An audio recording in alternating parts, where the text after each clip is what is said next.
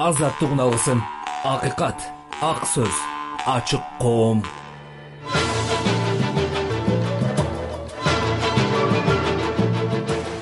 Саламатсызбы. Азаттык радиосу кезектеги жарым сааттык уктурууну сунуш кылат. Бул программа азаттык жоготкон залкарлар деп аталат. Чыган кесиптештерибиз бүбүкан дусалиева менен зайырбек ажыматовду эскеребиз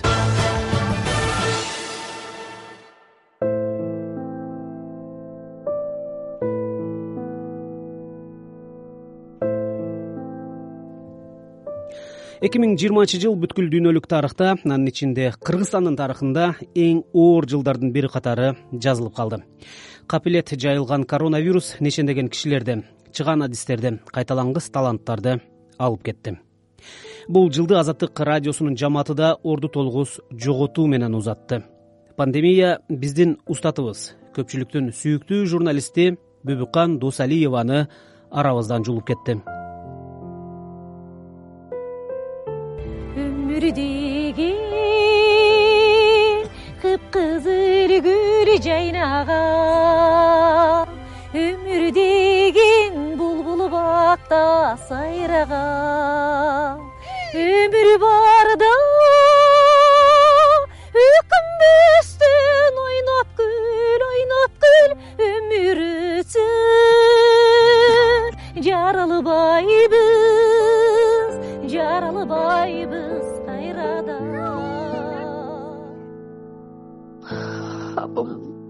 жаңы жылда эң жакшы көргөн байрамдардан болчу. Жаңы жылга жакындаганда ошол өткөн жылы эмне жумуштарды кылдым?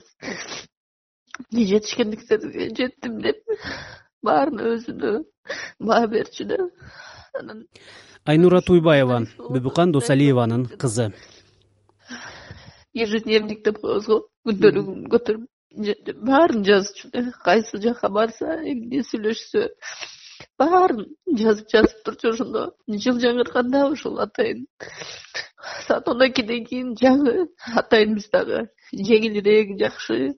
Ошону күндөлүк тандап берчүбүз. Ошонусуна өзүнүн каалоолорунун баарын ушул жылга карата каалоолорунун баарын жазчу ошо эки миң жыйырманчы жылдагы жазгандарын окуп көрсөм ушу баардыгына аманчылык каалаптыр да апамчы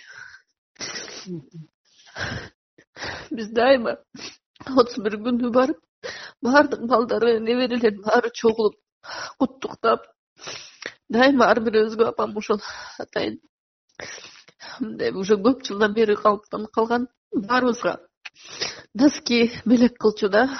Носкини ушул япондор белек кылат экен билесиңерби эмнеге деп башка түшүнбөгөн кишилерге деле түшүндүрүп ошону белек кылып койчу да бул деген аман болуп өзүңөр бутуңар менен басып ден соолукта болуп жүргөндүн эмеси экен каалоосу экен ошон үчүн мен дайыма ошо носки белек кылчу да апам. Аман эсен болсун баары жакшы болсун деп. Апам өзү мындай атайын ушул индюкту жасап атайын ушу дайыма жаңы жыл сайын индюк бышырчу да бул жылы дагы уже жетишпей атат бизге чоң эле. Апам дайыма шаңды жырчып күлүп кандай эң негизгиси кудайдын көзү түз болсун бизге деп. Баарына жакшы мамиле кылчу да. Сагынып чынын айтканда дагы эле түшүнбөй эле жүрөбүз. Командировкага бир жака кеткендей эле болуп бүбүкан досалиеваны билбеген кыргыз жок болсо керек бүбүкан азыркы жусуп баласагын атындагы улуттук университеттин журналистика бөлүмүн менден үч курс кийин окуп бүтүрдү. Шайлообек дүйшеев кыргыз эл акыны. Мына ошол алтындай болгон кызыбыз күтпөгөн жерден дүйнө салып кете берди. Ошол оору менен мен да ооруп ооруканада жаткан чагымда ал дагы ооруп жатыптыр. Байланыша албай жан курбусу досу бурулгач алсам канттан шаара калып келатышат деди.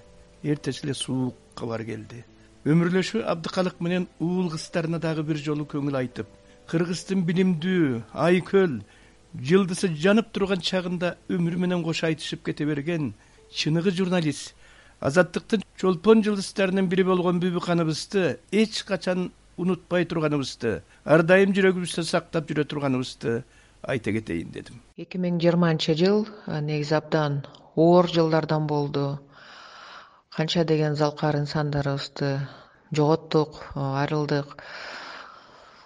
Алардын арасында биздин бибикан досалиева эжебиз белгилүү журналист педагог көз жумду. Алтынай өмүрбекова кыргызстандын мурдагы вице премьер министри бибикан эжебиз ушул көп жылдардан бери ушу журналистика тармагында иштеп абдан мындай актуалдуу социалдык маселелерди көтөрүп жүрдү. Даже карап көрсөк ушул коронавирус илдети башталгандан кийин дагы ушул акыркы ушул апрель май айларында дагы ушул тема боюнча жазып ушул медиктердин медиктерге бере турган акчаларды өз убагында төлөнүшүн дагы талап кылып ушундай бир актуалдуу маселелерди көтөрүп жүрчү да билим берүү системасындагы көйгөйлөрдү жазып ошол эле мигранттар боюнча жана ата энеси миграцияга кетип э, балдардын тагдыры боюнча ошол эле социалдык коргоо маселелери пенсия пособие иши кылса абдан көп мындай курч бүгүнкү күнү өтө актуалдуу маселелер жөнүндө дайыма жазчу да. Бибикан досалиева эжекебиз менен азаттыкта беш жылдай чогуу иштедим албетте андан мурда мен гезиттерде иштеп жүрүп эженин атын алыстан угуп э, таанышкандан сүрдөп ушундай бир кумир тутуп сыйлап жүргөн эжекем менен азаттыкта чогуу иштеп калдым.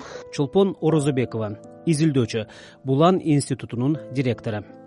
Бибикан эже бизге кесипкөйлүк жактан дагы бирок ириде ушу аял катары адам катары көп нерсе үйрөттү. Бибикан эжелерден кийин биз мындай жашыраак муун болчубуз ошол кезде бир катарлаш беш алты журналист кыздар бар элек. Ошол кыздарга эң башкысы ушу эже катары мамиле кылып акыл насаатын айтып ушу баарыбызды бир турмуштук бир сабактан өткөрдү десем болот да. Бибикан эже биз үчүн бир чоң бир эталон үлгү аялзаттын бир сулуу нарктуу мыкты үлгүсү эле да анан бибикан эжеге карап түздөнчүбүз баарыбыз көзүңөрдү жандыргыла жандуу болгула бибикан эженин ушул сөздөрү менин өмүр бою кулагымда жаңырат болуш керек. Анткени ар бир эфир башталардын астында ушинтип айтчу. Албетте биз э, болушунча канчалык аракет кылбайлы. Көздөрүбүз бибикан эженикиндей болуп жанчу эмес. Айдана топчубаева азаттык плюс программасынын алып баруучусу. Мен бибикан эже дегенде биринчи эле ушул нур чачкан көз карашын мындай билбейм ушунчалык сулуу эле да анын көздөрү көз карашы. Мен биринчи кастингке келгенде дагы ошол бибикан эжени эстеп калгам да дароо. Анын көзүн караганда сен дагы ошого окшош ошондой эмоция менен ошондой жандуулук менен сүйлөгүң келет да. Анан мага күлүп аябай сенден өзүмдүн жаштыгымды көрүп атам деп айтканы эсимде мен ошондо аябай сүйүнгөм да ушундай анда жакшы таануучу эмесмин ушундай сонун аял ушундай сонун айым. Мени өзүнө окшоштурса мындай аябай мага мотивация болгон да. Бибикан эже ушунчалык талкпай иштейт эле. Эртең менен бир кечиккенин көргөн эмесмин. Айым эрте келчү кечке чейин тыныкпай ар бирибизге конок тапканга жардам берчү. А бизде э, адистерди эксперттерди издегени келгенде дароо бибикан эжеге кайрылчубуз бибикан эже мунун номери барбы муну кантип тапсак болот деп бибикан эже блокнотун ачып алып баарын таап берчү да ушунчалык мындай баарынын номерлери бар болчу. Анда буга кайрыл анда буга кайрыл деп дайым сунуштарды берчү. Аябай көп иштечү. Ушул июль айы каргашалуу кара июль болду. Бибикан досалиева эжем менен мен тиги студенттик кезден бери эле бибикан эженин колунан окуп билим алып тарбия алып деген элмара турсуналиева алып баруучу укканда уккан кулагыма ишенген жокмун. Жер жарылып гана кеткен жок. Бибикан эженин басканы турганы кийингени өзгөчө чач жасалгасы өзгөчө жылдыздуулугу менен бир көргөн кишинин эле көңүлүн алуучу бир көргөндө эле бибикан эженин элеси сенин мээңде сакталып калып андай элести эч качан унута албайсың. Ал эми өткөн сабактары эфирде алып барганы дикторлук журналисттик касиеттери жөнүндө сөз жок. Эң бийик кесипкөй инсан эле. Бүүкан эженин жаткан жери жайлуу болсун ыйманы жолдош болсун кыргыз журналистикасындагы абдан чоң жоготуу болду эң башкысы бүүкан досалиева окуткан студенттери шакирттери ар убактан бир убак биздин жүрөгүбүздө биздин эсибизде. Бүүкан эже менен мен тилекке каршы кийинчерээк эле таанышып кийинчерээк эле иштешип калдым. Эркин рыскулбеков алып баруучу жарандык активист. Программасына чакырып анан ушу кичүү болгонума карабастан пикиримди угуп ошого сый көрсөтүп кээде пикирлерим мындай э, коомдогу негизги пикирге туура келбей калса дагы ошону сый урмат менен кабыл алып жүргөн журналисттерден эле мен ошондон үлгү алдым. Бирок мен бүүкан эже менен өтө жакын таанышканым бул э, эжеке мындан эки жыл мурун өзүнүн алтымыш жылдык мааракесин өткөргөндө ушул биринчи ноябрда эркин сени алып барып беришиң керек деп экөөбүз иштешип калдык элек ушу даярданып атканда ар бир коногуна ушундай кам көрүп мына коногум келатат мына жакшылыгым болот деп ошолорду күтүп анан э, казак ырчысы роза алхажанын мен сени сүйөм өмүр деген чыгармасын аткарды эле да. Ушу мен сени сүйөм өмүр деген боюнча эле узап кете бериптир. Өмүр дагы бүүкан эжени жакшы көрө эле. Ушунчалык ачык мүнөз шайыр шадман ошол алтымыш жылдыгында мага мен ага белек алып келбестен тескерисинче ал мага белектерди көтөрүп келип сонун бир инсан эле аттиң эми эженин жаткан жери жайлуу болсун арбагы ыраазы болсун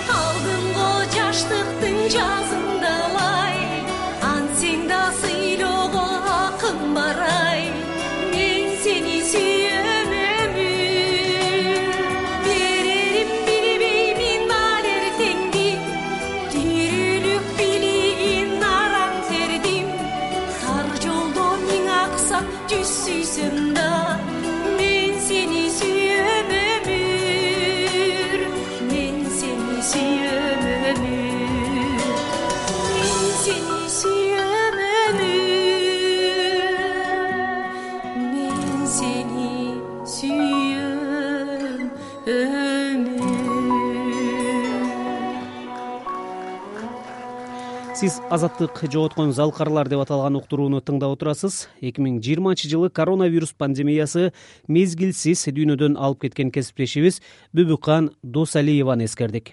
Бир аздан соң дагы бир кесиптешибиз белгилүү акын зайырбек ажыматовду эскеребиз. Пандемияда кимди жоготтук? Дүйнөнү каптаган коронавирус кризиси кыргызстанда да жүздөгөн адамдын өмүрүн алып кетти биз капыстан келген илдеттен көз жумган замандаштарыбызды эстей жүрүү максатында алардын таржымалын алар тууралуу эскерүүлөрдү бир тизмеге топтодук. Бул кайгылуу тизмени жарыялап биз күн сайын айтылып жаткан сандардын артында кимдир бирөөнүн эң жакын адамы анын тагдыры жашоосу жасаган иши кыялы бар экенин көргөзүүбүз келди. Тизме улам жаңыланып турмакчы пандемияда жоготкон жакын адамыңыз жөнүндө маалымат бөлүшкүңүз келсе сайтыбыздагы атайын форманы толтурсаңыз болот. Сайттын дареги азаттык чекит орг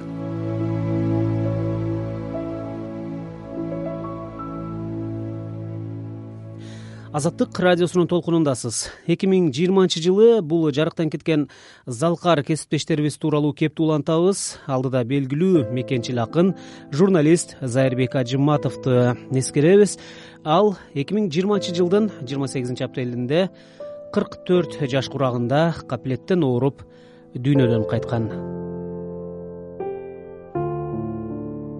Падыш эл көтөр башты улутташым кандашым көкүрөктө улуу намыс кайнасын. Ар бир кыргыз аманаты манастын хан тукуму кулга айланып калбасын.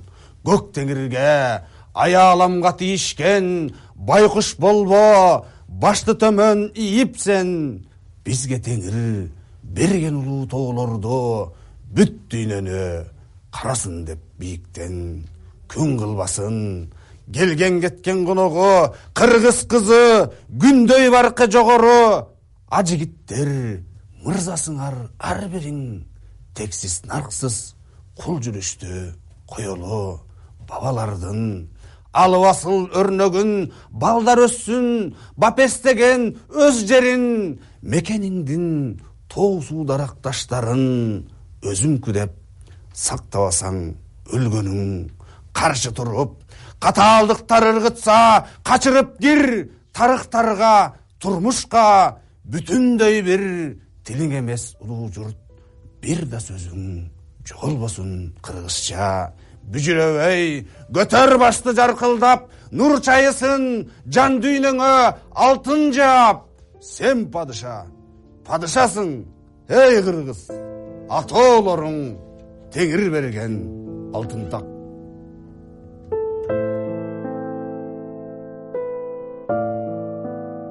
зайырбек эң жаңы жылды эл катары эле тосчу элек мындай көп эле оозоктонуп кеткенди жактырчу эмес. Эми силер деле билесиңер го анан.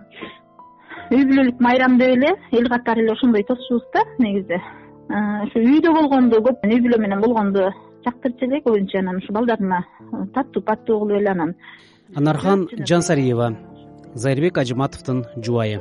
Биз үчүн чынында оор болуп атат анан. Эми кудайдын жазганынан эч жака качып кутуп албайт экенбиз да анан көнгүскө айланып жок экен көнөт экенбиз ушу өтүп атат жашообуз азыр көбүнчөсү эле биз менен үй бүлө менен болгон убактыбыздын өзү деле өзү деле ушу үй бүлө менен өткөргөн убактыбыздын бактылуудай эле сезчү эле да анан ошол кездер эле калат экен негизичи анан көп эле бүт эле көп эле нерселерин эстейсиң эми ар бир кыймылдарын сүйлөгөн сөздөрүн тияка бияка бассаң деле азыр биздин ушу эсибизде ошол эле нерселер кечке эле ошол нерселер кайталанат.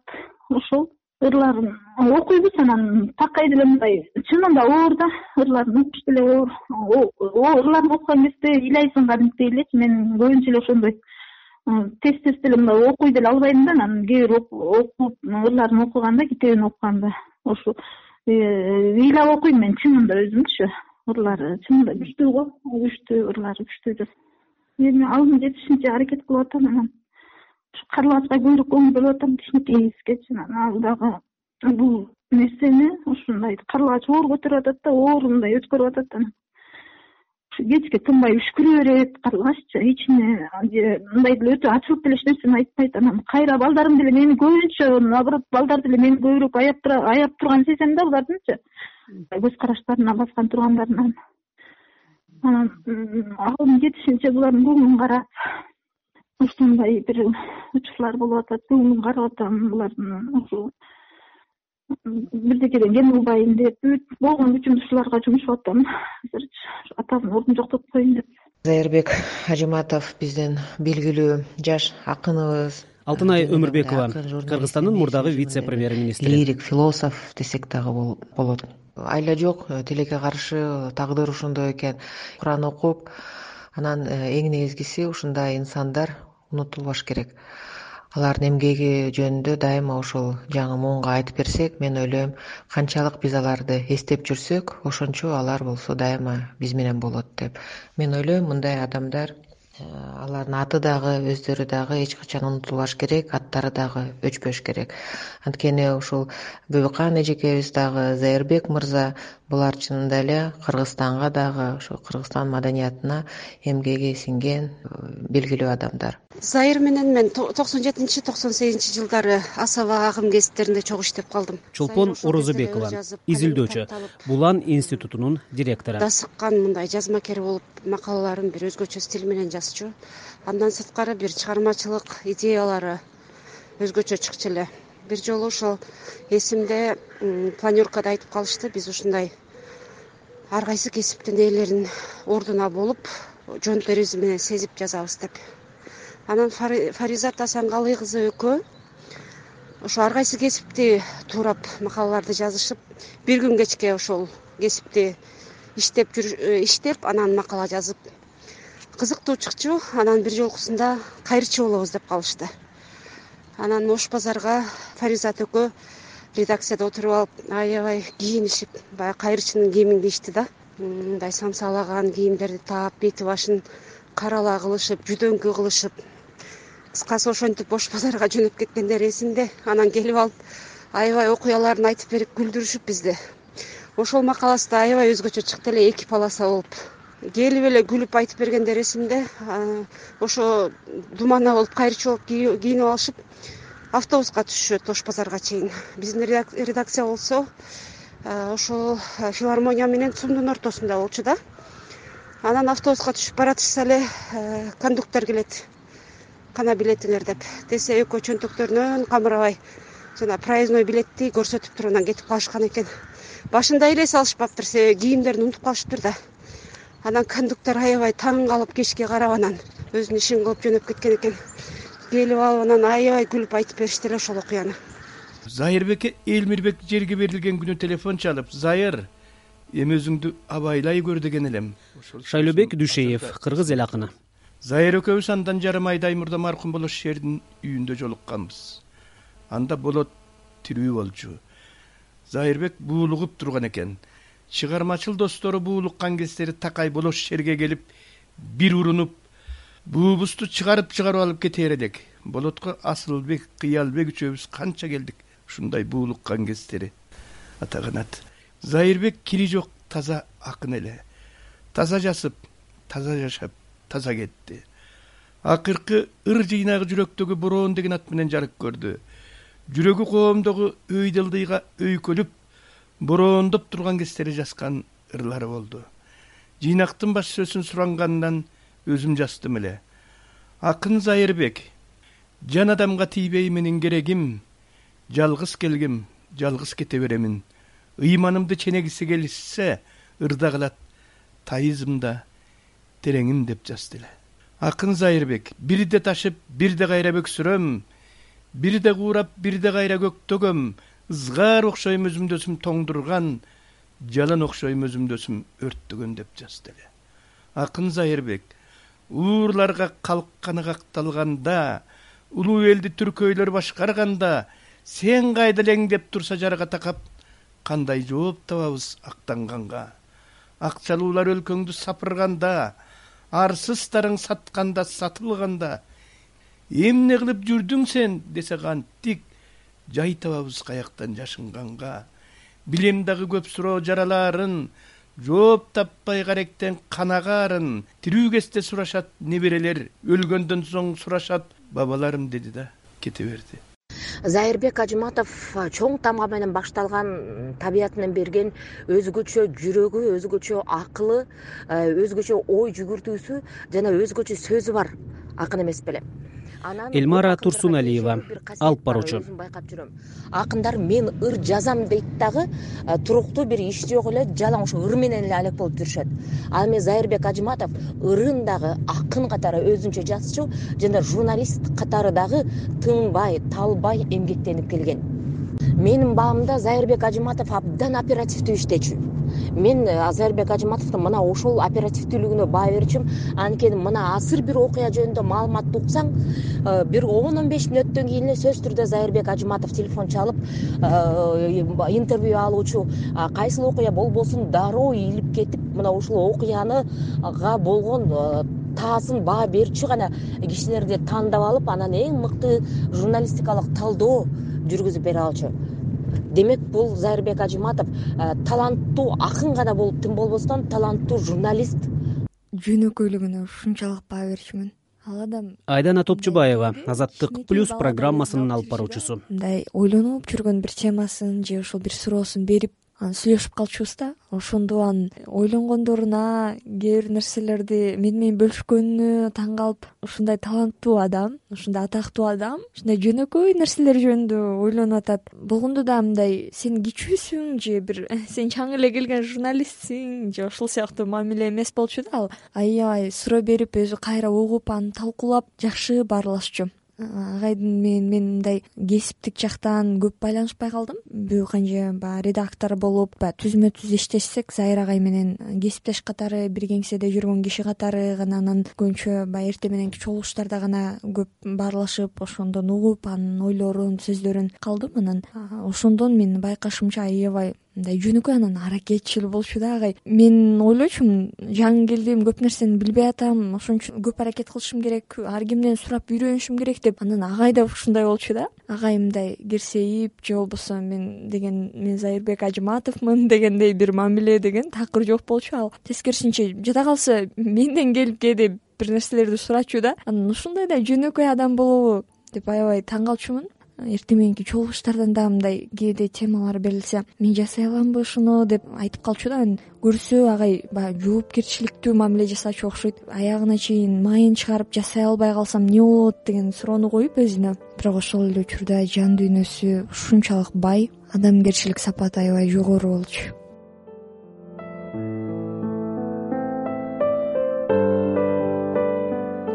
сиз азаттык радиосунда залкар кесиптештерибиз бүбүккан дусалиеваны жана зайырбек ажыматовду эскерген уктурууну тыңдадыңыз. Программаны мен санжар эралиев даярдадым. Кесиптештерим жазган өлбөс өчпөс макала баяндарды азаттык чекит орг сайтынан окуп турууга видеолорду болсо ютубтагы азаттык деген каналдан көрүүгө чакырам